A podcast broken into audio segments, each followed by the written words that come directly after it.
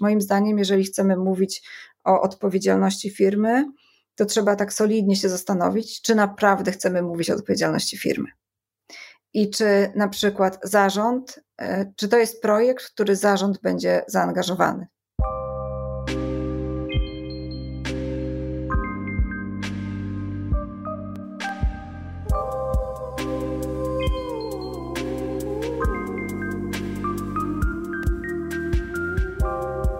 Cześć, tu Mudatox yy, i Ania Pięta. A Mudatox to jest y, podcast, który jeżeli pierwszy raz e, słuchacie, jest poświęcony zrównoważonemu rozwojowi, odpowiedzialności naszej, ale też odpowiedzialności biznesu mm, i wielu innym aspektom mm, takiego życia trochę w nowym świecie i też w tym popandemicznym świecie, który mm, rzeczywiście stawia przed nami już nowe wyzwania. I teraz jesteśmy w takim cyklu nowym również, ponieważ jest taka Muda Talks 2.0, dlatego że postanowiłam w niej e, mniej, może tak stricte tylko narzekać, a więcej mówić o dobrych rozwiązaniach. I dzisiaj moją gościnią, w związku z tym, ale też w związku z tym, że po prostu uwielbiamy ze sobą gadać, więc nie mhm. odpowiadam za to, ile ten odcinek będzie trwał, jest, jest Marta Karwacka. Cześć Marta. Cześć, witajcie wszyscy. Marta jest y, socjolożką biznesu. E, przede wszystkim, ale też e, właścicielką firmy doradczej Senza e, Sustainable Thinking i prowadzącą miłośniczką też w zasadzie tak jak ja, jednak z, z upodobania i, i wieloletniego jakiegoś zafascynowania tematem mody, mm, prowadzącą blog How to Wear Fair. Tak jest. Tak jest, to się zgadza. Marta, ty po prostu, poza tym, że ta moda cię jakoś tam cały czas y, fascynuje, dotyka, interesuje i, i no i w ogóle wiem trochę, jak z tą masz z tą, z tą, z tą relacją. Dla mnie to jest taka relacja love and hate, y, mhm. ale jednak cały czas wierzę, że ta branża się mocno, mocno w końcu zmieni. No to ty w ogóle się zajmujesz dużo bardziej y, szerokim y, zakresem współpracy z firmami, markami i w ogóle odpowiedzialnością, odpowiedzialnością firm. Tak jest. Y, odpowiedzialnością, ale też i w ogóle CSR-em. Czy my byśmy mogły od razu zacząć od tego, żeby trochę poróżnicować te wszystkie pojęcia, bo mm, CSR to było takie pojęcie bardzo modne jeszcze parę lat temu, wszystkie korporacje to zaczęły wprowadzać, Potem doszła jakaś odpowiedzialność biznesu, co powinno być oczywiste, ale też się stało jakimś takim czasami pustym pojęciem. A dzisiaj jeszcze mamy zrównoważenie na tapecie, które też w zasadzie czasami mam wrażenie, że firmy wiedzą, o czym mówią, a czasami mam wrażenie, że kompletnie nie wiedzą. Mhm. I teraz chciałabym z Tobą razem spróbować te pojęcia porozróżniać. Czy to jest tak, że zrównoważenie jest parasolem nad tymi wszystkimi pojęciami, czy bardziej właśnie odpowiedzialność biznesu byłaby i nad CSR-em, i nad zrównoważeniem? Jak Ty to widzisz, powiedz? E, nie, no zdecydowanie myślę, że zrównoważony rozwój e, jest szerszą, że tak powiem, tak, tym parasolem, o którym mówisz. Ja sobie definiuję taką odpowiedzialność społeczną e, firmy jako odpowiedzialność za bardzo konkretną, konkretny obszar, konkretne procesy, e, czyli to, to, wynika stąd, że firma musi sobie usiąść i się zastanowić, ok, w którym, e, na co mamy wpływ, gdzie mamy wpływ negatywny i jak chcemy odpowiedzialnie jakby zarządzać danym obszarem. Natomiast zrównoważony rozwój to już e, ja interpretuję tak, że, że systemowo cała firma rozwija się w sposób odpowiedzialny i zrównoważony, e, osadzony też na etyce, bo tutaj gdzieś ta etyka mi też e, jest kolejnym pojęciem, które się pojawia. Mówimy o etyce biznesu, z kolei etykę bardzo mocno ja pozycjonuję w kulturze organizacyjnej, czyli jakby jakie normy społeczne rzeczywiście obowiązują w organizacji. Bo jedną rzeczą jest, są oczywiście kodeksy etyczne, czyli zapisane zasady, które obowiązują w firmie, ale jeżeli e, przy tym kodeksie etycznym e, pracownicy widzą, e, że niektórzy mają wypłacane pieniądze pod stołem, albo że na przykład premiowanie są dobre pomysły, ale jednak skradzione pomysły, i to jest w sprzeczności z kodeksem etycznym, no to widać, że te normy społeczne jakby są zupełnie inne niż, niż te wartości, o których mówimy. Więc jakby mamy tutaj trzy rzeczy. E, odpowiedzialność społeczna i środowiskowa, etyka, no i ten zrównoważony rozwój. Podsumowując, e, zrównoważony rozwój to moim zdaniem jest cały system e, zbudowany na etyce i odpowiedzialności. I zrównoważony rozwój to po prostu sposób generowania zysku przez firmę, tak? Ale on musi być odpowiedzialny, jeśli mamy mówić o tym, że firma się rozwija w sposób zrównoważony. No i teraz mamy odpowiedzialność społeczną. To są poszczególne obszary, za które firmy biorą odpowiedzialność. E, I myślę, że to jest dzisiaj w Polsce najbardziej widoczne i najbardziej rozwinięte, bo mówimy czy dyskutujemy o projektach CSR-owych. No i teraz tutaj też jest pewnie kolejny duży obszar e, do dyskusji, jak my rozumiemy te projekty społeczne. Ja myślę, że to jest pojęcie, które w ogóle ewoluuje też e, od wielu lat. Pamiętam, że pierwszy raz z pojęciem projektów CSR-owych spotkałam się chyba w 2003 czy 2004 roku. I wtedy firmy się jakby komunikowały takie projekty polegające na tym, że przekazały ileś pieniędzy na dom dziecka, czy posadziły ileś drzew. Myślę, że dzisiaj te projekty CSR-owe zdecydowanie są bardziej obszerne, bardziej różnorodne, ale wciąż nie dotykają chyba clue e, problemów o których mówią, że dotykają. No właśnie. Cieszę się, że wychodzimy od tego, ponieważ to jest coś, co myślę, że nas dwie mocno często gdzieś tam czy denerwuje, a może nawet nie denerwuje, ale mnie na przykład wprowadza w jakiś taki duży, mhm.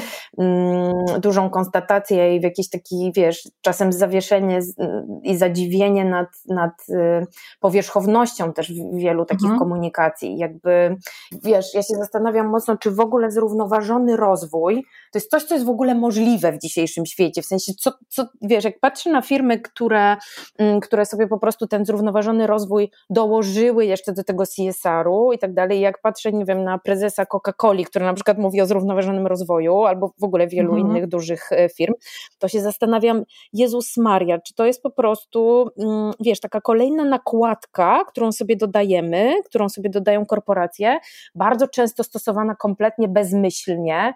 Ja w ogóle w samym pojęciu zrównoważony rozwój już widzę pewien dysonans, no bo jednak cały czas rozwój.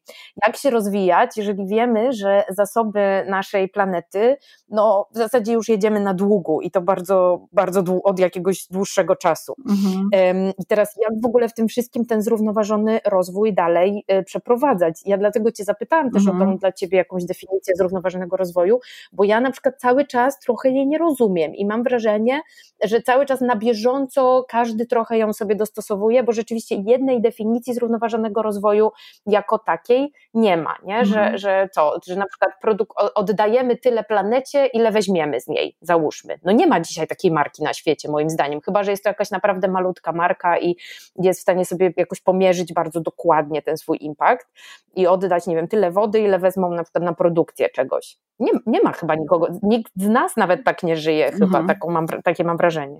Wiesz co, tak, jakby to na pewno jest y, tru, trudna rzecz. Ty się skupiłaś na tych wątkach um, i jakby elementach związanych z ochroną środowiska. Ja przy zrównoważonym rozwoju bardzo dużą uwagę też zwracam na ten obszar społeczny. Wydaje mi się, że on, zwłaszcza dzisiaj, kiedy mówimy o kryzysie klimatycznym, jest bardzo mocno pomijany. E, a jest bardzo istotny. E, I też jest, e, że tak powiem, istotny nawet dlatego, i, i po to jest nam potrzebne jakby zwrócenie uwagi na, ten, na te kwestie społeczne, bo one mogą być jakby wsparciem dla rozwoju różnych innowacji związanych z ochroną środowiska. I myślę tutaj i o obszarze właśnie pracowników, ale też społeczności lokalnych, o w ogóle problemach społecznych, które, które mamy i które bardzo mocno też wpływają jakby na całe społeczeństwo, y, jego funkcjonowanie, y, jego jakby wydatki państwa na, na różne choroby związane z tym, w jaki sposób ludzie się po prostu czują. Więc jakby wydaje mi się, że ten obszar wymaga e, dużej, większej uwagi też. Natomiast oczywiście, jak myślimy o kwestiach środowiskowych i tym zrównoważonym rozwoju. Wiesz, generalnie chodzi o balans. Ja, ja myślę, że um, myślenie o społecznej odpowiedzialności w tych kategoriach biało-czarnych jest bardzo trudne. To znaczy, albo będziemy, um, chociaż są deklaracje, że niektóre firmy chcą być w którymś tam roku w przyszłości zeroemisyjne.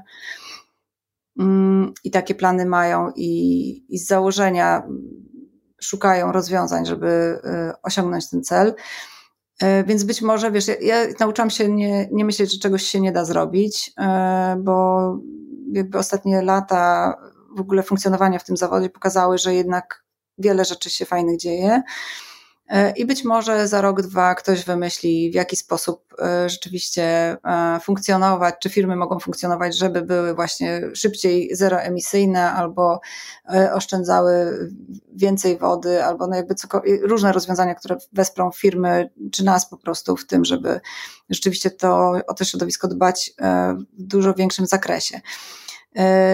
Natomiast rzeczywiście ja zawsze sobie myślę o tym, że zrównoważony rozwój to jest taki balans, ale balans polegający na tym, że oczywiście e, jako firma e, generujesz zyski, ale tak naprawdę masz oczy dookoła głowy i czujność na to, w jaki sposób wpływasz na, e, na otoczenie.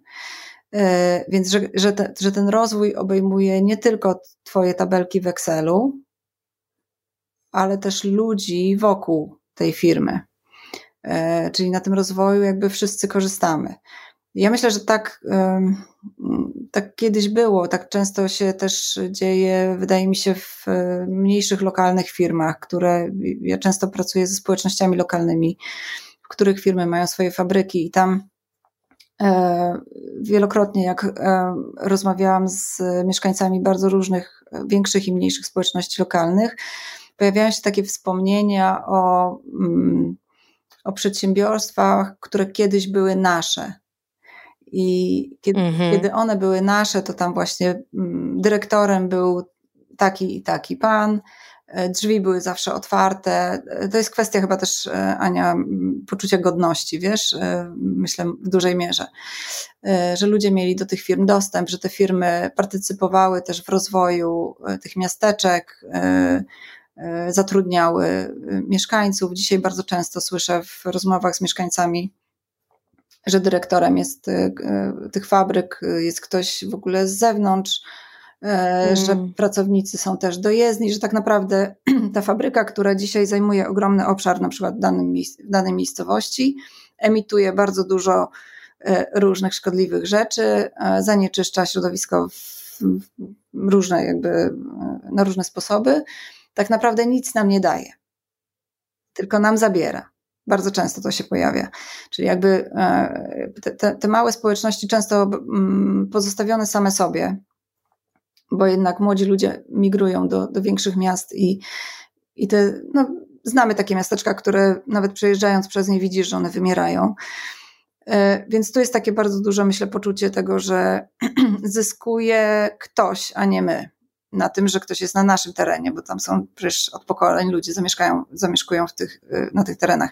Więc y, ja gdzieś tutaj szukam tego zrównoważonego rozwoju, e, czyli takiego rzeczywiście skontaktowania się z interesariuszami. E, ja to bardzo lubię porównywać też do e, Czasem jak prowadzę zajęcia na studiach podyplomowych to i rozmawiamy o interesariuszach, to robię takie ćwiczenie i, i, i gadamy sobie po prostu ze studentami o tym, jaka Twoim zdaniem jest dobra relacja, jak Ty chciałbyś być traktowany przez innych, jakby z czym identyfikujesz e, tą dobrą relację. I tam się pojawiają zawsze szacunek, e, zrozumienie, czas na spotkanie, rozumiesz, takie, no, takie rzeczy, które każdy z nas pewnie chciałby spotkać e, w swoich relacjach. No ale oczywiście, kiedy myślimy i przekładamy tą dobrą relację na, na firmy i ich relacje z konsumentami, z pracownikami, ze społecznościami lokalnymi, z dostawcami, no to bardzo rzadko jakby możemy e, ten szacunek, e, uczciwość, czas na spotkanie, czas na zrozumienie, empatię jakby tutaj odnaleźć. A jednocześnie w pracy spędzamy po prostu połowę życia prawdopodobnie i, i, ciężko, żeby na nas nie miało wpływu to, że ktoś do nas w naszej firmie właśnie nie ma szacunku, nie rozmawia z nami, nie komunikuje się. Tak albo komunikuje się w sposób, który jest y, no, zupełnie nieodpowiedni. Mhm. Mm, to też jest ciekawe, bo rzeczywiście w tych tematach zrównoważenia ten aspekt ludzki bardzo często się pomija. To znaczy jest planeta, planeta, planeta, a ty tutaj poruszyłaś ten wątek i absolutnie się mhm. zgadzam, że on jest bardzo ważny.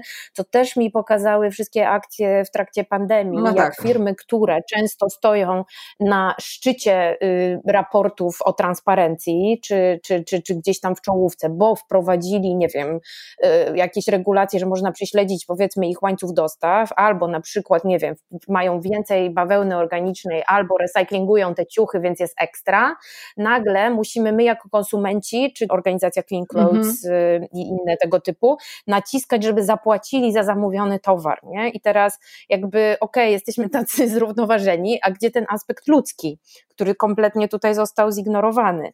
Um, I wiesz, to mnie jakoś też uderzyło w tej, w tej, w tej, w tej, i w tej pandemii, ale nie tylko, nie? że po prostu cały czas jak pytamy o te godne płace, to jest ucieczka, że no na razie się nie da, a może minimalny tylko wystarczą i tak dalej. No nie ma po prostu jednego bez drugiego, że to się, że to się no nie da się, tak. w taki sposób, no nie da się. Ostatnio miałam taką rozmowę, wiesz, w jednej z firm E, z e, menadżerem, który, bo to trochę jest tak, że rzeczywiście mam wrażenie, że firmy zostały nagle e, postawione przed tablicą z, taką, z takim oczekiwaniem, żeby się jakby odpowiedziały nam na pytanie, co robią w kwestiach środowiska, no bo dzisiaj planeta jest jakby tutaj kluczem, zmiany, kryzys klimatyczny, zmiany klimatyczne, jakby wszyscy o tym mówią. I byłam właśnie na, takie, na, na takiej rozmowie i rozmawiałam z jednym z menadżerów, który mówi, że oni potrzebują kogoś od eko takiego konsultanta, nie? Bo chcą być teraz eko. Ja mówię, no, no dobrze, ale w jakim sensie eko? Jakby tu trzeba zrobić po prostu strategię, żeby sprawdzić, na co macie wpływ, gdzie możecie mieć większy wpływ, gdzie macie mniejszy wpływ, że jakby przeskakiwanie teraz pracowników na roweru nie, nie rozwiąże że wielu problemów, które być może macie. I ja mówię, no i tutaj jakby jest kwestia też e, tych społecznych wątków e, bardzo istotna. A nie, nie, nie, te społeczne wątki to my mamy ogarnięte. No ja mówię, no to jak chcecie szukać innowacji na przykład środowiskowych, tak? No bo to warto wtedy też zaangażować pracowników, żeby oni czuli, że robią coś fajnego, ale to wcześniej musimy sprawdzić, jak oni w ogóle się czują w firmie, tak? Czy oni w ogóle chcą tej firmie w jakiś sposób pomagać. E, I tutaj jest myślę, że też duże jakby takie niezrozumienie, w jaki sposób my jakby te, te dwa obszary, społeczny ze środowiskowym, mocno, mocno się wiąże. Yy, nie możemy mówić o odpowiedzialności firmy, jeśli mamy jeden z tych obszarów gdzieś tam yy, zaniedbany, a wiemy dobrze, że jakby no tak jest. Yy, więc rzeczywiście rzeczywiście jakby myślę sobie, że, że w ogóle cała idea zrównoważonego rozwoju czy społecznej odpowiedzialności biznesu rozwija się w Polsce od trochę więcej niż 20 lat. I ja sobie obserwuję jako ktoś, kto rzeczywiście pasjonuje się tym tematem, ale też taki ciekawski obserwator tego, co, co się dzieje na rynku, że co kilka lat wyskakują takie nowe obszary e, ważne dla biznesu i że ten biznes w końcu zaczyna rozumieć, że to jest istotne e, w perspektywie też mm, funkcjonowania na rynku. Kiedyś rzeczywiście było tak, że zaczęło się w ogóle mówić o CSR-ze, kiedy e, no, podejmowano różne kampanie takie marketingowe. No ale w to ludzie nie uwierzyli, no bo, no bo to były tylko komunikaty o tym, że jesteśmy odpowiedzialni. E, I zaczęli się wtedy trochę e, denerwować pracownicy, którzy mówili, no halo, no, jest, no mówicie, że jesteśmy odpowiedzialni, a my tego nie czujemy. Więc wtedy zaczęły się pojawiać projekty w departamentach HR-u, ja myślę, że teraz jesteśmy na takim etapie, kiedy znowu ta komunikacja i marketing mm, zaczynają rozumieć, że nie wystarczy to. My rozmawiałyśmy o tym wielokrotnie, ale rzeczywiście, że nie wystarczy mówić e, i robić projektów ekoakcji, tylko to, to jest dużo głębszy temat. Ale znowu, dlaczego tak jest? Dlatego, że e, w ostatnich latach zmienił nam się kontekst społeczny, w którym funkcjonują firmy i mamy mega świadomych już teraz konsumentów, którzy są bardzo, ale to bardzo aktywni, aktywni w mediach społecznościowych. Y, więc to jest jeden obszar, moim zdaniem, który się będzie, ale albo musi się rozwinąć, a druga rzecz to są, to są łańcuchy dostaw, bo coraz więcej dostawców zwraca uwagę na to, w jaki sposób komunikują się firmy o odpowiedzialności i zrównoważonym rozwoju, i jednocześnie nie czuję tego e, w relacjach z tymi swoimi e, partnerami biznesowymi. E, I ja myślę, że, że to też będzie bardzo ważny temat y, niebawem. Mówisz o tym, że coraz więcej dostawców, czyli na przykład podwykonawców różnych y, tak, tak. marek czy dużych brandów, tak, tak którzy tak, są w tak, łańcuchu tak. całym y, dostaw, po prostu się buntuje na to, że firma jest tutaj nie, no, niekonsekwentna, powiedzmy. Mm, tak, tak myślę. Tak myślę, że tak będzie, dlatego że um, ja bardzo lubię obserwować, ja to nazywam właśnie sygnałami społecznymi, takimi pojawiającymi się od czasu do czasu sygnałami, które pokazują, e, że okej, okay, tutaj już jeden dostawca jest niezadowolony, tu się pojawia jakiś artykuł na ten temat, wiesz, że to się bombluje, ja to tak nazywam, że to bombluje i w końcu eksploduje.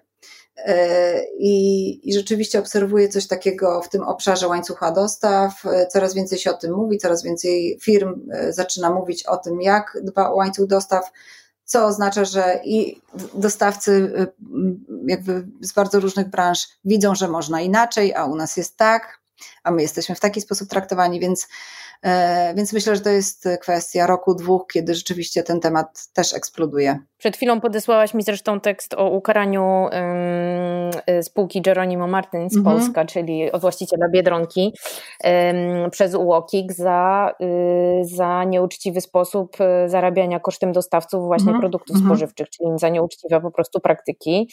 Kara ponad 7, 700 milionów złotych w ogóle, więc y, niesamowicie wysoka. No i firma się broniła tutaj, że przecież jak to, przecież ona była taka odpowiedzialna społecznie w trakcie pandemii. No i mhm. teraz znowu to jest idealny przykład tego, jak sama korporacja nie rozumie, y, taka duża mhm. korporacja i która tak aktywnie istnieje na, na nie tylko na, no, w sensie istnieje na polskim rynku i jest praktycznie wszędzie dzisiaj w Polsce, nie rozumie w ogóle pojęcia odpowiedzialności, no tak mi się wydaje, no bo tutaj coś, coś zupełnie poszło nie tak. Y, to jest 700 milionów złotych za, mm, no brzydko mówiąc, dymanie ludzi, czyli swoich dostawców, swoich podwykonawców, swoich pracowników w pewnym sensie, czy pośredników, no ale wszystkich, którzy pracują na to, że my idziemy do sklepu, mamy te produkty, e, płacimy za nie. To jest w ogóle wątek, który ja, ja totalnie uwielbiam, że, że wiesz, że my jako konsumenci i konsumentki kompletnie nie mamy świadomości tych rzeczy, które się dzieją za kurtyną, e, czyli na backstage'u, ale gdyby na przykład teraz na takiej Biedronce było napisane, były banery, że po prostu e, wykorzystała skarb państwa, czy właśnie dostawców, czy tam na tyle i tyle milionów złotych, czy na ciuch książkach byłoby napisane na metce, to zużyło tyle i tyle wody, przejechało do ciebie tyle i tyle kilometrów, albo to są nie fair produkty, oznaczamy tylko te, które są fair, ale tych nie fair nie oznaczamy. Czy to znaczy, że wszystkie inne są nie fair, a tylko te z oznaczeniem fair trade są fair? Wiesz, jakby takie, takich w ogóle mm, rzeczy jest, są miliony i takich w ogóle małych śledztw, które my sami musimy przeprowadzić. Wiesz, ja mam wrażenie, że czasem po prostu konsumenci, chciałabym też ten wątek poruszyć, o którym ty mm mówisz, bo ty bardzo dużo o tym mówisz, jak my się zmieniliśmy są tak świadomi yy, i to jest super, ale z drugiej strony ostatnio oglądałam taki dokument Green Light, który się nazywa, który totalnie mi, mi po prostu zrobił yy, burzę mózgu mhm. i chyba zrobię w ogóle jakiś osobny odcinek mhm. o samym greenwashingu, mhm. że wiesz, jak idziesz do dna, że masz ten certyfikat, masz tą etykietkę po prostu super, jest ekstra, jest GOTS, ROC, ECOS, mhm. RECO, mm, mnóstwo jest, mnóstwo jest jakby tych wszystkich y, naklejeczek i, i wiesz, i bardzo często też certyfikatów, które sobie przyznają mają mm, sam, same, wiesz, stowarzyszenia właśnie przedsiębiorców znowu i firm, y, które gdzieś tam po prostu są w, to, w ten temat wplątane i jakby jak, jak my jako ci biedni konsumenci i konsumentki mamy w ogóle gdzieś dojść do tej prawdy, dojść do tego końca, jakby mm, gdzie i w ogóle wiesz, że jakby mm, ja mam wrażenie, że to się tak wymknęło spod kontroli, że przestała w ogóle obowiązywać jakaś umowa społeczna, że, że wiesz, że skoro przecież gdyby, gdyby było na produktach napisane, że są nie fair, to kto by chciał je w ogóle kupować? Nie? Typu, to jest nie fair czekolada, poproszę bo ja chcę, żeby przy tym wykorzystano dzieci, zużyto tyle tam, nie wiem, zasobów naturalnych i tak dalej, żeby w ogóle na nielegalu to zostało wyprodukowane. Wiesz, nie mamy dostępu do tych prawdziwych informacji w ogóle, a nawet jak mamy, to trzeba się strasznie mocno na, nazbierać tego i naszukać i w ogóle bawić właśnie w detektywa. I na koniec w zasadzie, wiesz, jeszcze spędzasz po prostu potem trzy godziny na zakupach, zanim przeczytasz wszystkie etykietki. Ja w ogóle, ja rzeczywiście strasznie strasznie mnie drażni, wiem, że właśnie próbuję Ci od 10 minut zadać jakieś pytanie, ale mnie strasznie drażni spychanie odpowiedzialności na konsumentów i konsumentki mhm.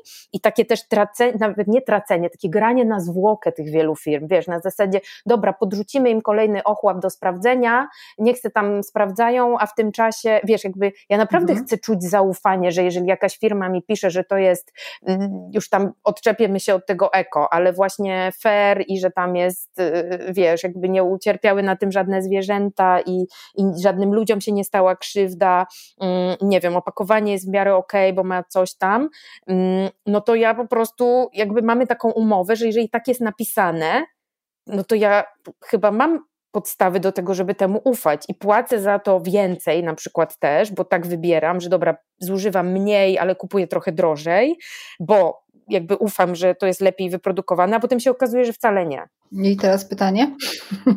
No i teraz, pyta- no i teraz pytanie. No, ja też się zgubiłam. No i teraz pytanie w ogóle, Marta, jak sobie w tym wszystkim radzić i gdzie ty widzisz właśnie, yy, gdzie ty widzisz w ogóle tu większą siłę nacisku? Czy na przykład wtedy po prostu z uporem maniaka pisać do takich firm i mówić, Jezu, oszukaliście nas, bo rozmawiałyśmy bardzo dużo o tym, jak ty na przykład śledzisz też bardzo często reakcje ludzi w internecie, nie? W social mediach yy, głównie, yy, jak po prostu już są uwrażliwieni, uczuleni mhm. i, i, i bardzo mocno, wiesz, potrafią wyszukiwać takie fałsze. Chciałabym jakby nawiązać do tego, co mówiłaś o tym, że jeżeli produkty byłyby y, oznaczone wyraźnie, że są nie fair, kto by to kupił pewnie by nikt nie kupił. Ja myślę, że tak, że jednak by znalazł nabywców. To znaczy nie możemy zakładać, że konsumenci wszyscy są tacy sami i, i jednak y, musimy chyba y, przyznać sami przed sobą, że, że jest tak, że wiele osób mm, naprawdę ma w nosie to, w jaki sposób dana rzecz była wyprodukowana myślę, że dużo ważniejsze jest to, co ktoś powie o tym, że ja mam taki telefon. Rozumiesz? Czyli bardziej jakby mm, ważne jest to, jak nas będą ludzie w otoczeniu naszym odbierać i czy ja mam szansę dzięki temu przedmiotowi, tym zakupom y, wejść, y, aspiro, znaczy tak, wejść do jakiejś grupy y, społecznej, czuć się, że ja przynależę do jakiejś grupy społecznej. I teraz myślę, że wątek, który tu jest bardzo ważny i związany właśnie z oddziaływaniem społecznym, dlatego ten obszar społeczny jest dla mnie też taki istotny i myślę, że że warto o nim mówić. To są normy społeczne. I teraz zobacz, co się stało na przestrzeni właśnie ostatnich lat. Um, przez wiele, wiele lat e, już pisaliśmy, mówiliśmy o tym, e, w jakich warunkach szyte są nasze ubrania. E, I tak naprawdę jakby nikt sobie z, z, tego nic nie robił. Tu mamy jeszcze jeden wątek, który sobie zapiszę.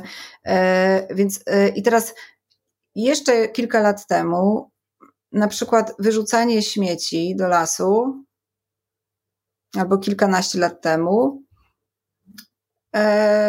dla większości osób nie było czymś takim niezwykłym albo drastycznie rażącym. Po prostu tak niektórzy robią i okej. Okay. Dzisiaj, kiedy spotykamy e, e, śmieci wyrzucone w lesie, bardzo często już jakby ludzie robią zdjęcia, pokazują w social mediach, często oznaczają ludzi, którzy widzieli, e, których widzieli, że to robią, więc następuje takie piętnowanie jakby takich zachowań. I dzisiaj nawet osoby, które niekoniecznie przejęte są e, środowiskiem naturalnym i ekologią, do sklepu wezmą torbę taką, wiesz, wielorazowego użytku, tą, tą materiałową, dlatego że wiedzą, że dzisiaj jakby normą społeczną jest już takie zachowanie, czyli postawa e, świadcząca o tym, że mi zależy na środowisku. I prawda może być taka, że tym osobom wcale na tym środowisku nie zależy, ale one chcą się czuć komfortowo e, w sklepie albo nie chcą czuć nieprzyjemnych spojrzeń ludzi, którzy widzą, że pakujesz w foliową torebkę, wiesz. Jakby, więc dlatego myślę, że e, na to oczywiście potrzeba trochę czasu, e, ale wyraźnie widać, jak te normy społeczne się zmieniły i wyraźnie widać to właśnie między innymi w tych komentarzach w social mediach. Czyli e, ja to trochę interpretuję w ten sposób, że osoby, które i tak kupują w sieciówkach, prawdopodobnie one również zabierają głos, e, komentując zachowania różnych marek, mówiąc: OK, że macie ekokolekcję, ale powiedzcie, kto szyje nasze ubrania. Tak? Czyli jakby i tak nosisz te ciuchy, ale jednocześnie pokazujesz w social mediach, że tobie zależy. Bo to jest dobrze widziane, bo to jest też. Więc e, w tym sensie myślę sobie o, o, ty, o, tych normach społecznych, że są bardzo ważne i one rzeczywiście zmieniają się w tym kierunku zachowań proekologicznych, prospołecznych, e, piętnujących te takie nie, wszystkie praktyki firm, które są e, jakby niezgodne z wartościami tych norm albo tej grupy społecznej, do której my chcemy aspirować, czy w, czy w ramach której chcemy się odnaleźć. E, I teraz mówiłaś jeszcze o tym zagubieniu konsumentów i że chcemy ufać firmom. E, tak, chcemy. Myślę, że to po prostu jest mniejszy wysiłek energetyczny. I rzeczywiście jest tak, że jest coraz więcej konsumentów, który, którzy, które weryf- konsumentów, którzy weryfikują to, co mówi firma, e, pytając wprost albo szukając informacji jakby głębiej na temat certyfikatów i pisząc jeszcze o tym post, wiesz, to wszystko się wiąże z energią, którą trzeba w to włożyć, więc takich osób jest na pewno niewiele. Natomiast to, na co e, konsumenci zaczynają reagować, to moim zdaniem jest to, kiedy dostrzegają brak spójności i tej autentyczności. Mm. O tym też rozmawiałyśmy mm -hmm. już parę razy. Jeżeli e, e, konsument widzi, że dana akcja jest po prostu zrealizowana pod wpływem nakierowana na konkretnych interesariuszy, czyli zakładamy, że interesariuszami danej firmy są dzisiaj konsumenci, którzy e, dzisiaj bardzo troszczą się o środowisko, no bo wszyscy już właściwie w większości, wszystkie badania pokazują, że już chyba 83% polskich konsumentów uważa, że firmy powinny działać prośrodowiskowo i prospołecznie, więc zakładam, że to już są prawie wszyscy konsumenci. E, I teraz ci konsumenci chcą e, dbać o środowisko, no to firma wystawia jakąś ekoakcję, e, no nie wiem, polegającą na tym, że właśnie zasadzimy kilka drzew. I w to właśnie konsumenci nie ufają, czy temu nie ufają, tym komunikatom. I teraz, jeżeli widzą taką akcję, ale nie widzą, że firma ma w tym, że to jest spójne z wartościami, o których już od jakiegoś czasu mówi, że rzeczywiście podejmuje bardzo różne projekty, które budują tą nową kulturę odpowiedzialności, e, no to wtedy, wtedy temu nie zaufają. Jeżeli z kolei to jest akcja, która jest spójna z resztą e, rzeczy, działań, wartości, o których firma mówi, to są w stanie temu zaufać i jakby tego już nawet nie sprawdzać. Zobacz, co się dzieje na przykład z Patagonią i na przykład jakimkolwiek teraz nowym komunikatem, który by stosowali na temat kolejnej e, pozytywnej e, akcji dla środowiska. Po prostu to bierzesz, nie czytasz już, nie? Mm-hmm, mm-hmm. Bo wiesz, że kultura organizacyjna jakby tej, tej firmy jest taka. Oczywiście to jest skrajny, skrajny, skrajny przypadek, e, bo tam rzeczywiście od lat i, i dużo się dzieje takich odpowiedzialnych projektów, natomiast natomiast myślę, że dzisiaj w większości mamy te e, takie ekoakcje e, niezwiązane zupełnie z całym biznesem. Ale znowu ja nie czuję, żeby to był problem konsumentów. Wiesz, ja jakoś tak czuję, że to jest taki moment, kiedy, kiedy ludzie w firmach, bo, bo też lubię mówić o ludziach w firmach, czują się bardzo pogubieni, po prostu nie wiedzą, w którą stronę uderzyć, jakby w którą stronę iść. E, ale to też wynika stąd, że przez wiele lat uznawano, że ta odpowiedzialność jest tak mało ważna, że tam się nikt nie będzie tym zajmował, że to tak naprawdę nie ma na nas żadnego wpływu, że to kilku tych eko-oszołomów albo aktywistów, albo tych organizacji nie mają żadnego znaczenia.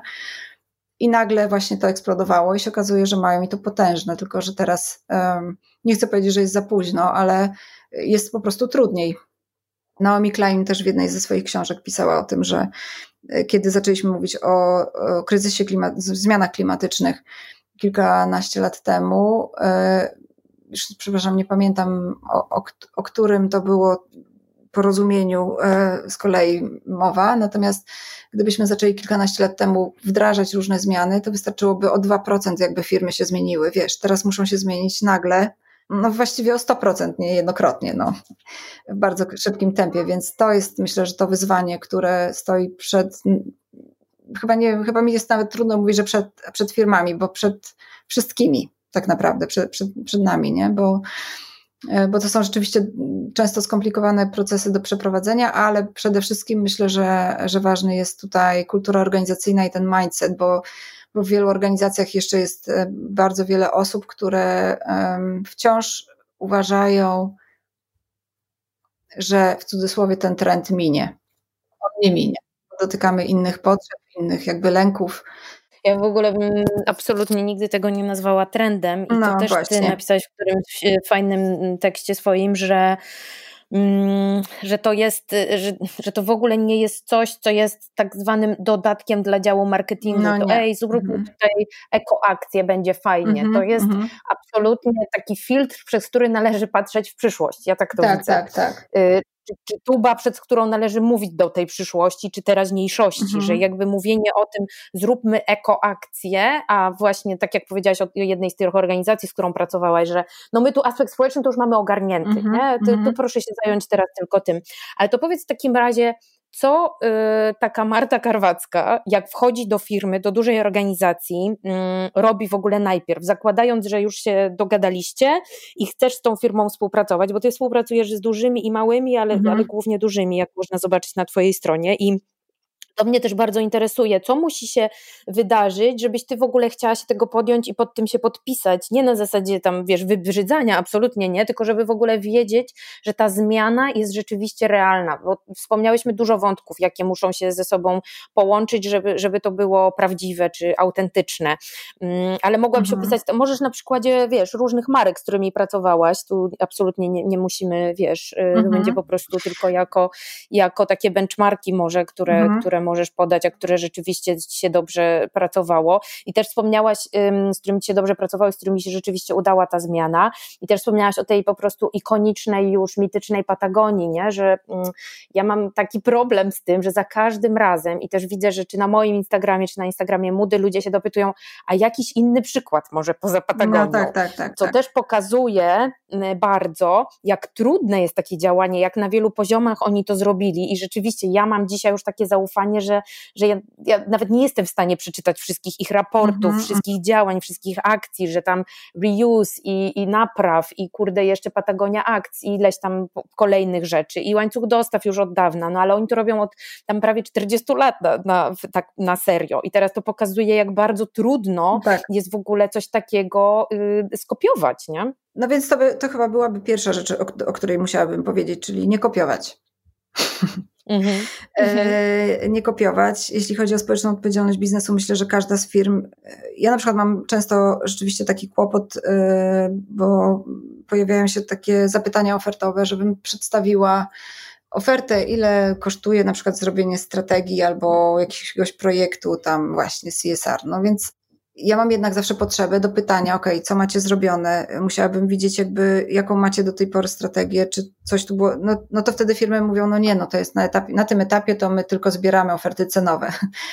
E, nie da się moim zdaniem zrobić dobrej strategii, e, tak jak innym firmom. Rozumiesz, że oczywiście są pewne mhm. jakby etapy, ale, ale trzeba zobaczyć e, nawet jakby to, czy trzeba zrobić jakiś dialog, czy trzeba zrobić badanie z, z pracownikami, bo, bo mówiąc, zwłaszcza jeśli to jest firma, która jeszcze nie miała w ogóle takich, e, takich projektów i takich strategii jakby realizowanych, to tak naprawdę wchodzisz e, w zupełnie no, nową przestrzeń, jeśli chodzi o zarządzanie e, firmą.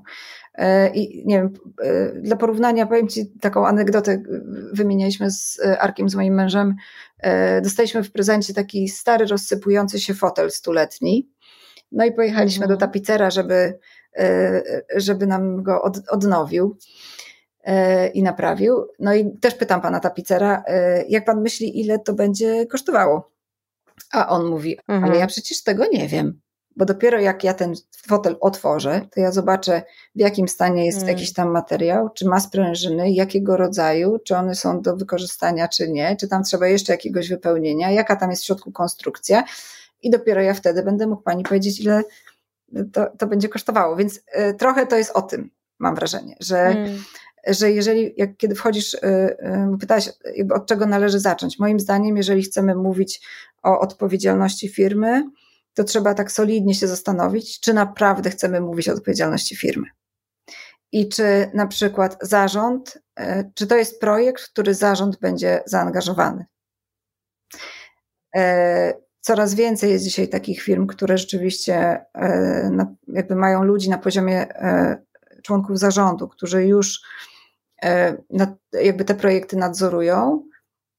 I wydaje mi się, że to jest kluczowe. To znaczy, jeżeli ja widzę, że zarząd już się tym interesuje, ja nie wnikam w motywację, ale wydaje mi się, że to jest jakby kluczowe w, e, e, co do tego, że, że ktoś poważnie, że firma poważnie traktuje odpowiedzialność. I teraz jak zaczynamy sobie o tym rozmawiać, no to e, ja jestem zwolenniczką oczywiście budowania strategii, czyli ustalenia, w jakich obszarach, jakby dlaczego w ogóle chcemy się zająć odpowiedzialnością, w jakich obszarach mamy wpływ, w jakich obszarach chcemy mieć pozytywny wpływ, E, I teraz w ramach tych obszarów, jaki, jakby, gdzie my chcemy działać, jakie projekty robić, kto będzie naszym interesariuszem, wiesz, jakby tego jest naprawdę dużo. To jest praca po prostu czasem na kilka miesięcy. E, jasne, że zdarzają się klienci, którzy chcą tylko e, jakieś akcje, powiedzmy, eko, ale to ja już odsyłam wtedy do, do agencji marketingowych, bo ja się jakby takimi rzeczami też nie, nie zajmuję specjalnie. No, jakby nie, nie, nie robię akcji gdzie można wystawić, nie wiem, zrobić, no nie wiem, wystawić sobie jakieś stoisko i opowiedzieć. No to, to nie jest jakby to, czym ja się zajmuję. Więc e, no, kluczowa tutaj jest strategia, ale oczywiście są jakby t- takie potężne firmy, które już mają e, strategię odpowiedzialnego biznesu. E, no i, i w takich, z takimi firmami też pracuję przy konkretnych obszarach, na przykład właśnie dialogu ze społecznościami lokalnymi. I, I tutaj jakby dla mnie ważne jest to, żeby czuć, że to będzie miało sens dla obu stron. Czyli jeżeli chcemy robić dialog ze społecznościami lokalnymi, no to musimy te społeczności poznać. I, i rzeczywiście miałam jeden taki projekt, e, w którym e, no bardzo byłam zadowolona, ale też e, cieszę się, że firma przystała na moją wizję dialogu, czyli odejścia od takich E, ja to nazywam dialog prowizorka trochę, czyli e, dialogi, które firmy wiedzą, że muszą robić, ale zapraszamy na spotkanie około 100 osób i to trwa dwie godziny, no więc jaki z tego może być dialog? Rozumiesz, że mi to się w ogóle nie, nie łączy. E, I jeżeli chcemy zrobić dialog, to po prostu często trzeba włączyć w to badania. jestem zwolenniczką badań jakościowych, rzeczywistego wsłuchania się w to, co ludzie do ciebie mówią, e, rzeczywistego wsłuchania się w to, jak postrzegają firmę, jak postrzegają kulturę organizacyjną, jak postrzegają projekty, które, w które mieliby się na przykład zaangażować. E, ja myślę, że, że rzeczywiście rozmowa z ludźmi jest kluczem do dialogu, e, ale rozmowa, która rzeczywiście polega na wysłuchaniu nawet nie tyle oczekiwań, co perspektywy drugiej strony. Dopiero wtedy możemy usiąść do tej sali i dopiero wtedy e, możemy jakby zbierając ten materiał e, myśleć, jak wspólnie możemy robić pozytywny wpływ. Ale oczywiście e, tak, więc te dialogi ze społecznościami lokalnymi, no, kiedyś też realizowałam projekt dotyczący wolontariatu pracowniczego, ale to też jakby zaproponowałam firmie to, żeby nie konstruować jakby znowu projekt wolontariatu pracowniczego z zabiórka, tylko błagam, wpuśćcie mnie do tych pracowników, żebym ja mogła z nimi indywidualnie e, porozmawiać, co jest dla nich ważne, dlaczego się chcą angażować, co się chcą angażować, kiedy chcą się angażować. E, więc, więc to znowu się e, jakby sprowadza do, do rozmowy. No dlatego chyba ludzie są dla mnie jakby kluczowym mm, elementem, mówiąc tak kolokwialnie, w ogóle w rozmowie o społecznej odpowiedzialności biznesu. No tak, no bo ludzie, kurde, muszą zrozumieć, co oni w ogóle mają zrobić i nie mogą, nie mogą po prostu się totalnie, wiesz, tylko wpasować w jakieś nowy, nowe reguły, by, by, mm, choćby one były najbardziej szczytne i najpiękniejsze na świecie, jeżeli po prostu w ogóle mm, tego nie będą rozumieć. I myślę, że ty poruszyłaś, Marta, strasznie ważne wątki y, te, tej, tej lokalności też i tego, gdzie działamy, mhm. ale też tego, żeby sobie od samego początku jako marka, jako duża firma, mała firma, zadać pytanie, pytanie, jak my się w ogóle chcemy komunikować, bo tak może jest. niekoniecznie musimy mówić, że jesteśmy odpowiedzialną firmą. To jest bardzo ważne, y, to co powiedziałaś. A jeżeli odpowiedzialną, to co to dla nas znaczy? Mhm. Co to znaczy dla naszych pracowników? To, co, co to znaczy dla naszych i właśnie tych tak zwanych interesariuszy, czy mhm. podwykonawców, czy nie wiem, stakeholders, jak ich mhm. zwał, tak zwał. Mm, ale generalnie mm, dla wszystkich ludzi, którzy są w ten cały proces zaangażowani. Myślę, że to jest duże wyzwanie, zwłaszcza przy, przy też no, dla dużych korporacji, które są częścią jakiegoś, znaczy może nie duże wyzwanie, ale to może być problem w jakichś dużych korporacjach, które są częścią większego planu i na przykład bardzo często z tak zwanego globala e, nie mają jakichś tam konkretnych wytycznych, albo te wytyczne z globala, tak zwanego, jeszcze raz, e, nie dają się przełożyć na, na, na różne rynki, które tak są jest. na różne kraje, które mają inne kultury i w ogóle zupełnie inne potrzeby. Wiesz co, to, to rzeczywiście jest taka rzecz, którą, która też się mam wrażenie zmienia w bardzo dużych firmach, ale to są firmy, które już od powiedzmy 10-15 lat pracują ze strategiami odpowiedzialnego biznesu, y, ale z kolei y, pojawia się to w firmach, które właśnie teraz dostają sygnał od swoich spółek y, dużych matek, że mają wdrożyć jakieś e, tego typu strategie. I myślę, że jakby ja nie chcę być adwokatem diabła, bo to nie o to chodzi, ale ja jednak koncentrując się na tym, co ludzie czują często i, jak, i co myślą i w jakich są sytuacjach, widzę też taką, takie duże pogubienie w, e, u wielu ludzi w firmach, którzy nie wiedzą, co z tym tematem zrobić. Dostali taką, taki przykaz, żeby, no właśnie, działać prośrodowiskowo, E, na szybko wymyślają właśnie takie akcje typu przerzucimy ludzi e, na rowery albo pójdziemy posprzątać las, tylko to nie do końca o to chodzi, wiesz, znaczy kiedy ja im pytam, ja pytam wtedy, a skąd wiecie, że pracownicy będą chcieli z wami w to wejść, te procesy, no to oni nie wiedzą, więc, ale też z drugiej strony nie mają na to budżetów, żeby to zrobić porządnie, wiesz, że, że jakby te duże firmy gdzieś tam z zagranicy wymagają, ale też nie przewidują jakby pieniędzy na, na, na, na, tak naprawdę na transformację, bo to często już o tym dzisiaj mówimy, jeżeli mamy mówić o szybkim tempie, szybkich zmian, zmianach yy, i dużych zmianach. Więc yy, myślę, że tu jest jakby duża bariera, duży kłopot. Yy, ja wierzę w to, że im więcej będzie konsumentów organizacji pozarządowych, ja bardzo wierzę w tą znowu społeczną tkankę, czyli to oddolne działanie aktywistów, im, im częściej, im więcej oni będą jakby mówić na ten temat, tym szybciej będą pojawiały się polityki, czy Komisja Europejska będzie pracowała nad e, zobowiązaniem firm do różnych rozwiązań, e, do szukania różnych rozwiązań, czy szukania strategii, to wtedy też się pojawią te budżety. I wiesz, jakby no, to są tak połączone naczynia bardzo często.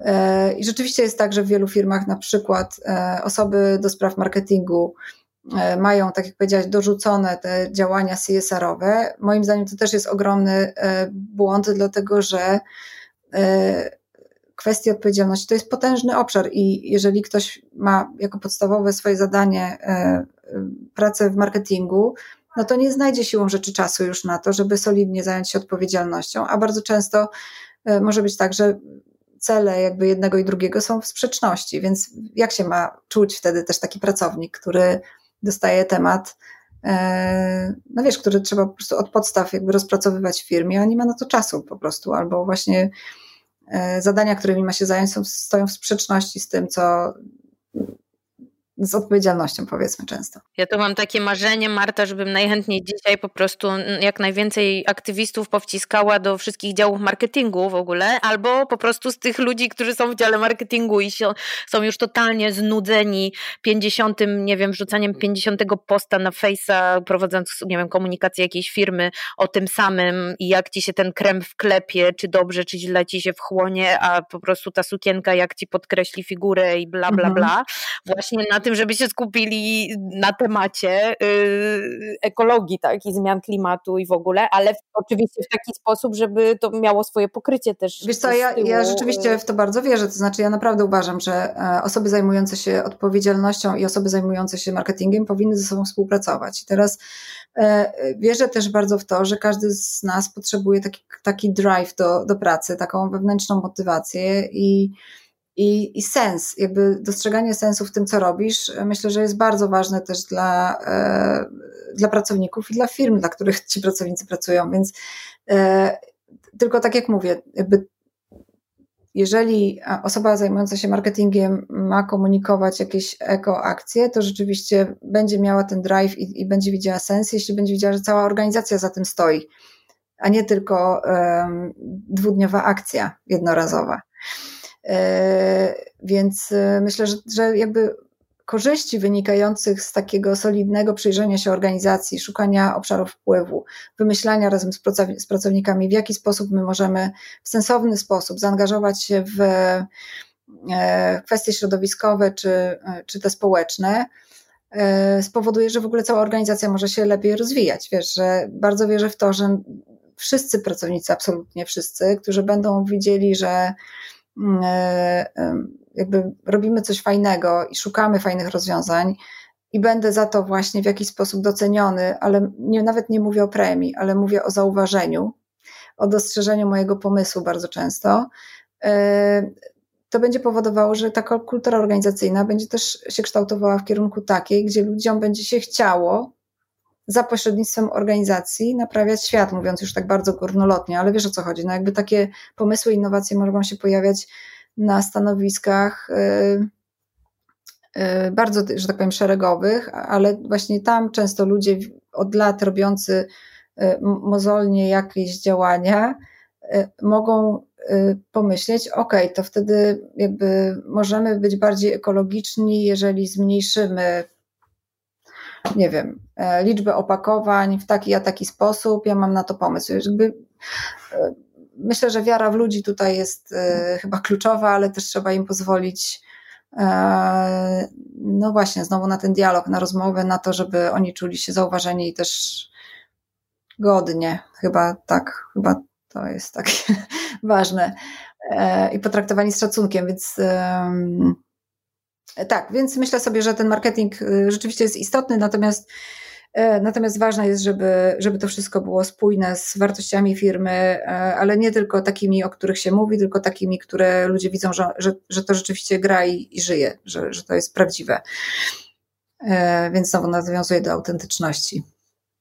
Właśnie, ta autentyczność nam cały czas tutaj, tutaj gdzieś dzwoni y, w okolicy, no bo czym w ogóle ta autentyczność jest? Wiesz, ja w ogóle dzisiaj jak sobie, roz, jak sobie myślę o tym, jakie wartości um, zaczęły niektóre marki komunikować, albo w ogóle jakich słów się dzisiaj nawet właśnie często nadużywa z takim, mhm. gdzieś mi się wydaje z tyłu, może nie, nie że niezrozumieniem, ale um, że wiesz, na przykład ostatnio gdzieś tam przeczytałam tekst, no że teraz to modna jest empatia. No tak, tak, tak że w mhm. ogóle, co to jest w ogóle za sformułowanie, mhm. że empatia, czy mhm. współodczuwanie, czy w ogóle współczucie ludziom mm, innym jest, jest modne, nie? Czy, że, że, że, że wiesz, jakby nagle się obudziliśmy w jakimś takim w ogóle wynaturzonym i kompletnie odczłowieczonym świecie, dystopijnym, jeszcze pandemia pewnie to wzmożyła, mm, no i sobie myślimy, no dobra, to teraz to już może, y, może y, nie będę się cisnąć tak bardzo, wiesz, jakby wracamy w ogóle do jakichś pozytywnych wartości, znaczy pozytywnych, mhm. ale też jakby odkrywamy zupełnie podstawowe rzeczy. To jest tak jak, czy modna jest empatia, to jest tak jakby ci ktoś powiedział, że modne jest powietrze. Czy, czy, czy wiesz, no jakby, co, co to jest w ogóle za sformułowanie, nie? I, I autentyczność to jest kolejne jakieś takie bardzo duże słowo. Ja się zastanawiam, czy autentyczność na przykład w kontekście mody, czy na przykład moda w ogóle jeszcze będzie kiedyś autentyczna? Kto, gdzie tu jest w ogóle ta autentyczność? Ja mam wrażenie, że w tym wszystkim najbardziej są rzeczywiście autentyczni i autentyczne konsumenci i konsumentki, mm, no bo najwięcej gdzieś tam są szczerzy, bo od niczego też nie zależą i mogą te greenwashingowe różne pierdoły y, i teksty wyciągać szybko, mhm. Mm, ale też po prostu ja sobie myślę o tej autentyczności tak, że żeby tą autentycznością jakkolwiek się posługiwać, to trzeba najpierw się przyznać, że w ogóle się było nie nieautentycznym przez, y, przez długi czas i że, mm, i że, i że, i że no kurde, spieprzyliśmy tutaj, rzeczywiście robiliśmy źle, ale teraz już jest tam nowy, nowe rozdanie. Jakby w ogóle ta autentyczność jakoś mi za, zadzwoniła w tym twoim tekście no, w nowym marketingu i tak cały czas o niej myślę, y, mhm. o niej myślę, co, co, to w ogóle dzisiaj oznacza, nie? W takim totalnie, wiesz, świecie postprawdy, gdzie każdy ma swoją teorię na każdy temat, nie? Czyli żyjemy w świecie WUKA. O, Świetnie, że do tego przeszłaś, ale, więc od razu powiedz, co to jest świat WUKA. Poczekaj, najpierw jeszcze, e, jeśli pozwolisz, to, bo sobie to notuję, masz jakby dużą zdolność mówienia, więc ja to sobie muszę robić notatki, jakie wątki poruszasz. Powiedziałaś o kilku rzeczach znowu, że ciebie szokuje to, że jest moda na empatię. E, tak, pewnie dla ciebie to brzmi jakoś śmiesznie, ale, ale ja bym tego nie porównywała z modą na, na powietrze, dlatego że no nie wszyscy są empatyczni Co nie? Więc myślę, że mogą jakby w ten sposób mówić osoby, które odkrywają, ok, czyli teraz na rynku sprzedaje się empatia, musimy się tego nauczyć, jak to robić, nie? E, e, więc e, jakby rzeczywiście w tym sensie to rozumiem, że mamy po prostu bardzo różnych ludzi. Tak samo jak mamy bardzo różnych konsumentów, bo też powiedziałeś, że najbardziej autentyczni są konsumenci. Tak, ale to są ci, których masz w swojej bańce. To prawda.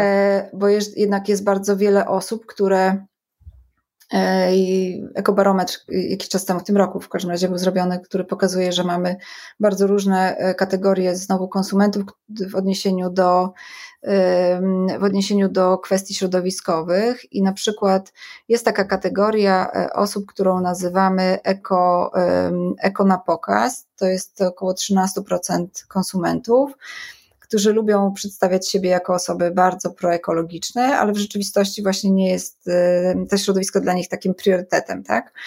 E, więc wiesz, mamy bardzo różnych konsumentów. E, mamy takich, którzy są w stanie kupić sobie ubranie na, tylko po to, żeby się wystawić w tym ubraniu na Instagramie i odesłać konsumentów influencerów, powiedzmy, tak? No ale, ale wiemy, że to jest rzeczywiście już po prostu giga problem dla firm odzieżowych. E, więc e, no, nie, nie stawiałabym chyba w ten sposób sprawy. Rzeczywiście konsumenci są dzisiaj bardziej um, autentyczni, w, um, mówię o jakiejś grupie osób, w tym sposobie komunikowania o tym, czego my oczekujemy, że jakby nie boimy się już dzisiaj mówić um, o tak, o tym, że ktoś jest oszustem, że ktoś nas okłamał, że co to znaczy, że ktoś mówi, że jest ekologiczny, a wysyła nam produkt opakowany w folię, jakby no mamy różnie, różne reakcje. E, I to jest jeden z takich obszarów, który myślę, że warto wziąć pod uwagę, jeśli się jest jakąś marką albo firmą, czyli znowu kontekst społeczny, e, zmianę pokoleniową. To jest myślę, że klucz. Myślę, że dzisiaj na ulicach mówi, mówiliśmy o Grecie i ludziach, którzy ją za nią wychodzą na ulicę, to ja myślę, że to jest właśnie konsument przyszłości, czyli osoba, która e, jest dzisiaj pewnie dwudziestokilkuletnia, ale która nie boi się mówić, korzystać z social mediów, e, tworzy swoje firmy, tworzy swoje, swoje e, społeczności i wspólnoty. Ja myślę, że jest wiele takich sygnałów, które pokazują, że wracamy rzeczywiście do takich wartości ważnych dla nas jako ludzi. Znowu podkreślam wątek ludzki.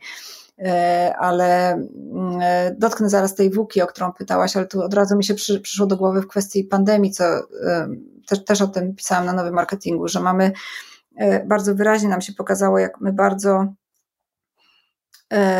z tego global przechodzimy w lokal w momencie takiego zagrożenia, czyli zaczynamy podświadomie, moim zdaniem, konstruować sobie taką siatkę zabezpieczającą nas, na, na nasze bezpieczeństwo, poprzez wspieranie lokalnych marek.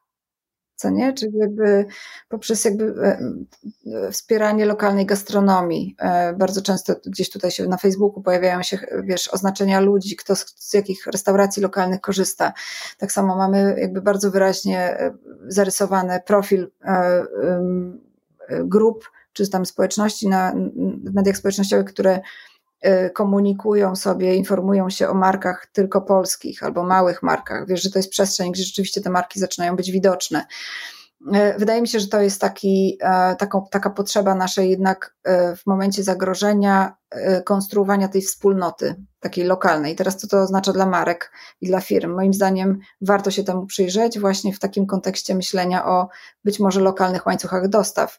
I to znowu jest z jednej strony jakby bo to jest ważne dla konsumenta, ale z drugiej strony być może to jest ważne e, też dla firm, które w jakiś stopniu się uniezależnią od globalnych łańcuchów dostaw, bo pandemia pokazała, że jeżeli zamykamy granice, to po prostu zamykamy wasz biznes. Co nie, że to jakby e, więc tych efektów pandemii jakby ja tutaj widzę też e, całkiem sporo, ale ten, ten wątek społeczny tego, tego budowania wspólnoty mnie bardzo zainteresował. E, ale teraz przejdę do tego świata WUKA, bo to jest rzeczywiście e, myślę, że fa, fajna teoria, który to jest akronim czterech angielskich słów. Pierwsze oznacza zmienność. Volatility, uncertainty, complexity, ambiguity. Tak, więc mamy, więc mamy te cztery słowa i one tak, w pierwszym mamy zmienność i to jest zmienność dotycząca tego, że tak naprawdę każdy kolejny dzień może nam przynieść coś nowego, że my tak naprawdę nie możemy tego przewidzieć, że to są zmiany trudne do wyobrażenia. No, no, jakby sama pandemia pokazała i bardzo często w dyskusjach między ludźmi się to pojawia, czyli gdybyś mi powiedział, nie wiem, w 2019, y, że świat będzie wyglądał tak jak na zdjęciach, wszyscy w maskach i w, w skafandrach w szpitalach, no to bym nie uwierzył. Więc y, my, my mamy świadomość tego, że świat jest tak zmienny, E, że tak naprawdę jakby nie możemy przewidzieć absolutnie żadnego e, przyszłego kroku, żadnego przyszłego zawodu. E, tak, no jakby bardzo często mówimy o tym, że świat się tak zmienia, tych nowych technologii. Ja myślę, że my w większości nie nadążamy za tym, jak zmieniają się nowe technologie. Dzisiaj mówimy o sztucznej inteligencji, i wiele osób, zobacz, jak, jak często mówi o tym, że w ogóle tego nie rozumie, to jest złe, ale myślę, że dlatego, że nie jesteśmy w stanie jakby objąć umysłem, rozumem tego, co, co to się dzieje. Po prostu mamy tak dużo też informacji, że nie nadążamy za tym, żeby e, śledzić jakby wszystkie nowinki. E, druga rzecz to jest bardzo mocno powiązana z tą zmiennością, czyli brak pewności. E, my nie mamy pewności, czy jutro będzie dla nas miejsce e, w firmie, czy nie dostaniemy kartonu do spakowania, bo wszystko jest po prostu tak nagle. Nie mamy pewności, czy nasze kwalifikacje są wystarczające, nie mamy pewności, czy my umiemy w związki, wiesz, czy my umiemy wychowywać dzieci. Nie mamy pewności w ogóle w relacjach społecznych, tak? Jakby dla nas nie jest oczywiste, czy to, co widzimy, czy co ludzie nam mówią, jest tak prawdziwe. To, to, to też się odnosi do, do mediów społecznościowych. Więc e, obszarów niepewności jest całe mnóstwo, łącznie z tym, że dzisiaj też nie jesteśmy przekonani i czujemy lęk swego rodzaju związany z kolejnymi pandemiami, które już niektórzy mówią, że się mogą zdarzyć. E, ogromna niepewność i lęk e, związana z kryzysem gospodarczym, z tym, czy właśnie te nasze firmy przetrwają, jakby mamy tego naprawdę strasznie dużo. Złożoność dotyczy z kolei, no tak na przykład cudownego tematu jak zrównoważony rozwój. Nie ma, e, jakby to są tak złożone procesy, tak złożone problemy bardzo często, kwestie odpowiedzialności też i firm, ale też problemy społeczne, są tak złożone, że naprawdę nie, nie załatwisz tego problemu jedną akcją, tylko tu potrzeba bardzo, bardzo wielu osób. I teraz e, o różnych kwalifikacjach. Ja myślę sobie, że trudność kolejna, która na ten poziom się nakłada, jest jednak życie w kulturze ja i promowanie indywidualnych e, osiągnięć, indywidualnych celów, promowanie tego E, tego ja, a nie my. No więc teraz jak mamy się zabrać za rozwiązywanie e, bardzo złożonych, często globalnych, ale też lokalnych problemów wspólnie? Myślę, że to jest bardzo trudne i to, i to na przykład też e, widać w mojej pracy, kiedy, no właśnie w społecznościach lokalnych, kiedy chcemy zrobić, teoretycznie chcemy zrobić coś dla społeczności lokalnej, ale tu potrzeba aktorów z bardzo różnych stron, i tutaj się zaczynają już, wiesz, przepychanki, kto wie lepiej, kto, która racja jest mojsza. No i jakby to, to rzeczywiście jest e, bardzo widoczne. No i niejednoznaczność, ten, ten ostatni wymiar, e, nic dzisiaj nie jest czarno-białe. Każda, e, każde zdarzenie, każda interpretacja jest wieloznaczna, jakby każdy ma swoje, mm, swoje pomysły, swo, no właśnie, swoją interpretację wielu zdarzeń. Myślę, że kiedyś po prostu ludziom było łatwiej, bo, bo wiele na przykład ról społecznych też było zdefiniowanych i od razu podkreślam, nie mówię, że to było lepsze, mówię, że to było inne, tylko i, i w pewnym sensie łatwiejsze, czyli nikt się nie zastanawiał y, nad modelami swojego życia, nad, y, nad tym, no właśnie, jak ktoś y, w pokoleniu był ko kowalem, to prawdopodobnie syn też był kowalem i jego syn też był kowalem. Rozumiesz, że to było proste, to, to nie były tematy do zastanawiania się. E, dzisiaj nic nie jest jednoznaczne, nic nie jest takie w 100% pewne. E, więc ja myślę, że tutaj oczywiście w świecie WK ja bardzo często się, znaczy bardzo często, coraz częściej się powiedzmy spotykam na konferencjach czy w różnych, na różnych tekstach, w różnych tekstach czytam o tym, jak to wpływa na firmy, e, ale ja znowu lubię jakby ten wątek odnosić do, do ludzi, do pracowników, do konsumentów, do dostawców, jakby do ludzi, którzy też mają swoje problemy i z tym światem WUKA, tą zmiennością, lękiem, złożonością bardzo wielu problemów w życiu prywatnym i niejednoznacznością naszych wyborów, muszą się borykać na co dzień. I teraz znowu, jak sobie myślę o firmach, E, to, to myślę, że firmy tutaj mają dużą przestrzeń do, e, do, do realizacji różnych projektów właśnie odpowiedzialnych za pracowników, za konsumentów,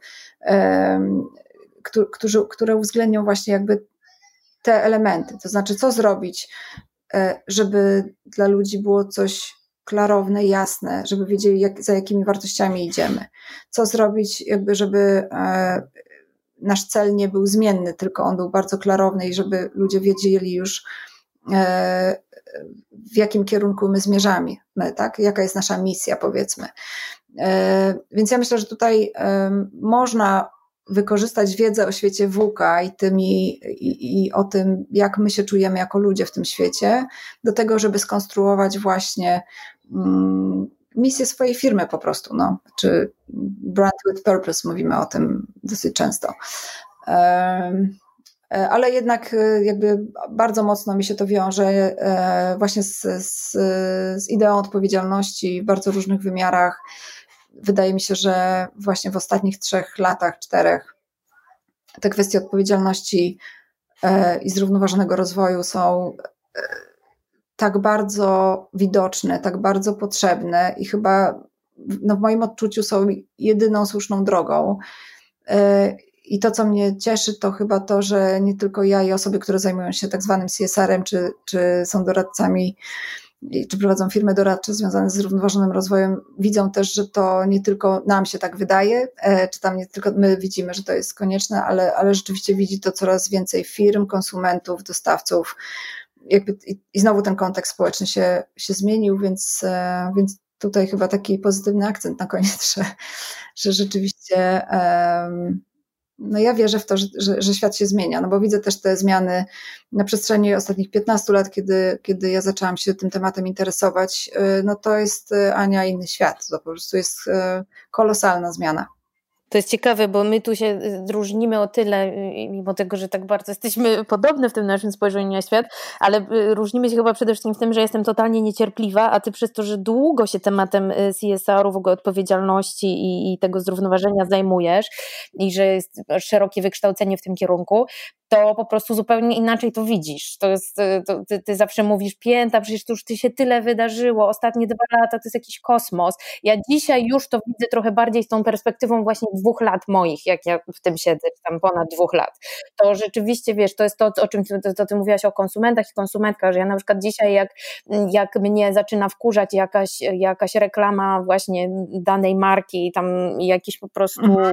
że to jest slow fashion, czy conscious, tak, czy w tak, ogóle tak, już nawet nie chcę tych hashtagów śmiesznych wspominać, to teraz sobie wchodzę na takiego posta, czy gdzieś e, w reklamę w internecie i ja już nie muszę nic robić, bo widzę, że tam jest 50 komentarzy w tym kierunku mhm. i że green, albo ludzie mi wysyłają, że ej, myślisz, że greenwashing, a widziałaś to, a widziałaś mhm. tamto, mm, więc, więc to na pewno jest duża zmiana, ale ty widzisz ją jeszcze, jeszcze w dłuższej perspektywie. No tak, nie? tak. No, ja, ja mogę powiedzieć o, o, o czasach, kiedy wiesz, no, e, chciałam pisać doktorat na ten temat i i to nie było łatwe, żeby przeforsować ten temat na uczelni, e, albo o czasie, kiedy mm, jeździłam do Warszawy z Torunia, e, biorąc urlop w pracy, żeby się spotkać z Bolesławem Rokiem i z nim porozmawiać. On mm. wtedy robił takie spotkania e, dla osób, które chcą pisać doktorat, no i tych osób było 10 może, wiesz, że to naprawdę z całej Polski.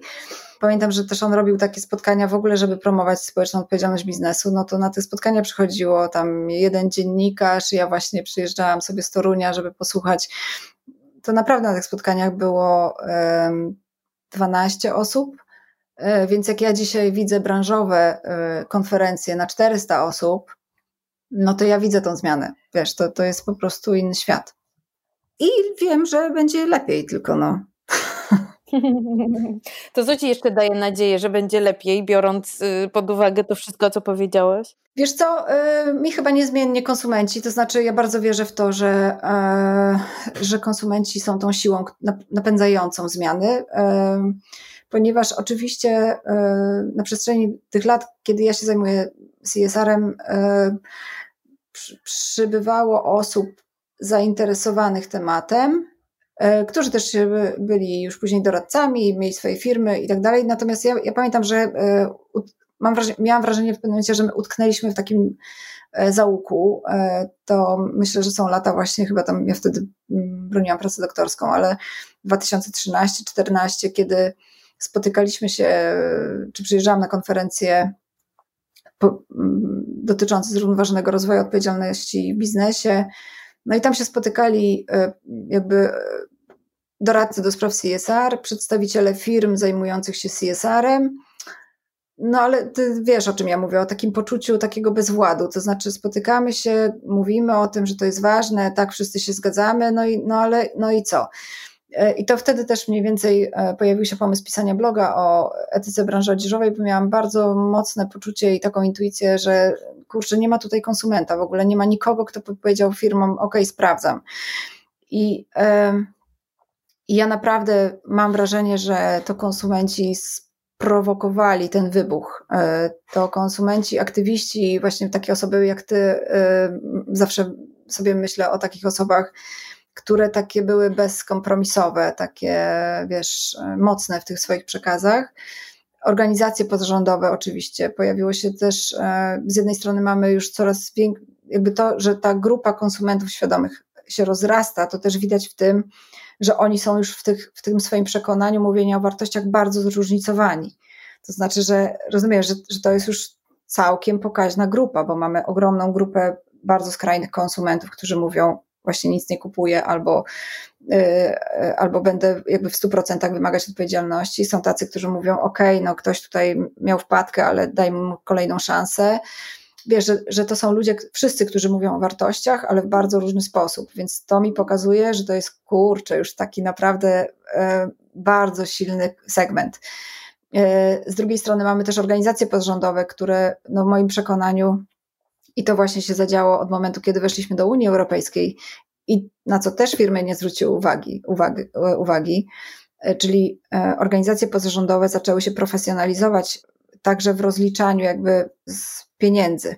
Kiedy mówimy o współpracy biznesu z organizacjami pozarządowymi, to jeszcze kiedyś, kiedyś, kiedyś, jakby rzeczywiście było bardzo trudne. To były dwie różne kultury organizacyjne, i tutaj jakby takie nastawienie na myślenie o tym, jak rozliczamy każdą złotówkę, było gdzieś na dalszym planie dla osób z trzeciego sektora, dla których ważny był ten cel społeczny przede wszystkim, nie? Więc jakby tutaj była też, był problem we współpracy, ale e, w momencie, kiedy z jednej strony jakby pojawiły się pieniądze z Unii Europejskiej, która wymagała pewnych, no właśnie napisania wniosku, to zaczęły się pojawiać bardzo profesjonalnie jakby mm, stąpające takie profesjonalne organizacje pozarządowe w sensie takim budowania planu projektów, budowania planów biznesowych i na to, i to są też mm, organizacje, które, które powstały właśnie dzięki temu, że że środki unijne się pojawiły, więc to są bardzo często już eksperckie organizacje, no właśnie, które są bardzo ważnym interesariuszem biznesu, które mogą być partnerem biznesu, ale nie muszą. E, I rzeczywiście, jakby w tym otoczeniu biznesu nastąpiły tak kolosalne zmiany, że no ja sobie nie wyobrażam innej drogi e, niż ta, że firmy muszą to wziąć pod uwagę, ale odpowiedzialnie, kompleksowo, systemowo i chyba niestety już. To znaczy nie ma, nie ma już więcej czasu na to. E, tak, po prostu trzeba się za to. I moje wybrać. ulubione słowo i holistycznie. No to tak, no kompleksowo, tak. Kompleksowo, dokładnie. Nie, holistycznie się śmieję, bo to jest też nadużywane kolejne słowo. Tak, tak. To jakby ja go naprawdę nie lubię, ale mhm. jakby od, odpowiada na to, o czym mówię. Tak, więc e, no myślę, że to jest fascynujący teraz okres dla, dla e, takich osób jak, jak ja, jak ty, że um, to jest taki czas, kiedy ja, ja rzeczywiście widzę te, te zmiany, które postępują w tak szybkim tempie. To, um, I znowu wracam do tych firm, które um, rozmawiam z, z kilkoma i ja widzę że one wiedzą w środku już, że to jest temat, którego nie mogą uniknąć, ale z drugiej strony boją się wychylić, no bo ci konsumenci już są bardzo tacy czujni. I, I, rzeczywiście myślę, że to jest duża zagwostka, jak, jak ten temat ugryźć, jak się jest firmą i bo myślę, że to jest też te, to są też tematy, które niejednokrotnie wymagają odwagi. Tak jak e, ty chyba kiedyś na początku rozmowy powiedziałaś, że czy są firmy, które e, jakby są w stanie przyznać, że jakby robiłyśmy, robiliśmy do tej pory tak, a, a chcemy teraz inaczej. No i moją uwagę właśnie w kontekście tego, tego przyznania się do winy zwróciła e, wypowiedź Anny Wintour. Pamiętam, jak powiedziała, że no musimy przyznać, że moda rzeczywiście ma tutaj dużo za uszami musimy iść w kierunku sustainability. I znowu w ogóle nie wchodzę w to, jakie były motywacje tej wypowiedzi, bo tego nie wiem, e, ale widać, e, że dzieją się rzeczy niemożliwe, czyli że ikona, że tak powiem, świata mody e, mówi, musimy iść w kierunku sustainability, bo moda ma dużo na sumieniu, bo moda jest, e, zanieczyszcza środowisko, bo rzeczywiście tam, nie wiem, czy te wątki społeczne się pojawiły, ale, ale generalnie e, myślę, że coraz więcej branż będzie miało takie e, statementy, że tak powiem, bo moda jest, nie wiem, czy mam jeszcze czas, nie, ale Jakoś tak. Wiesz, to jest to i tak najdłuższa rozmowa w historii mody.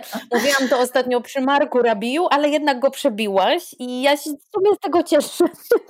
Jedźmy dalej. No. Ale no. ja sobie myślę o modzie w ogóle rzeczywiście w takim pozytywnym e, aspekcie. To znaczy, ja widzę tak dużo zmian w tak krótkim czasie e, tak wielką mobilizację ze strony organizacji pozarządowych, konsumentów, aktywistów i samych firm, i tego, w jaki sposób, i właśnie tych wszystkich e, na przykład e, profili na Facebooku e, mówiących o tym, wspier, wspier, wspierajmy polskie marki albo polskie marki, dzielcie się informacjami o, o, polskich markach, czy małych, lokalnych, czy, czy odpowiedzialnych, jakkolwiek, że tego jest po prostu taka masa, że ja paradoksalnie w tym, tej dyskusji o nieodpowiedzialnej modzie widzę taką realną zmianę, chociaż oczywiście czekam na więcej. I myślę sobie, że w sumie żaden sektor nie ma takiej presji y, związanej z tą zmianą w kierunku zrównoważonego rozwoju czy odpowiedzialności, jak branża mody, y, bo mówimy dzisiaj już o projektantach, którzy przechodzą na ekoprojektowanie, o, o wysyłaniu ubrań, o w ogóle ile marek zaczęło wdrażać ten drugi obieg do siebie e, mhm. w tych sklepach internetowych. Tak, to prawda. To prawda, to mnie bardzo cieszy i też, i też wszystkie dane pokazują, że mm, jakby za chwilę ten drugi obieg do, dobije do tego pierwszego, jeśli tak. chodzi o, o, o, o, przychody.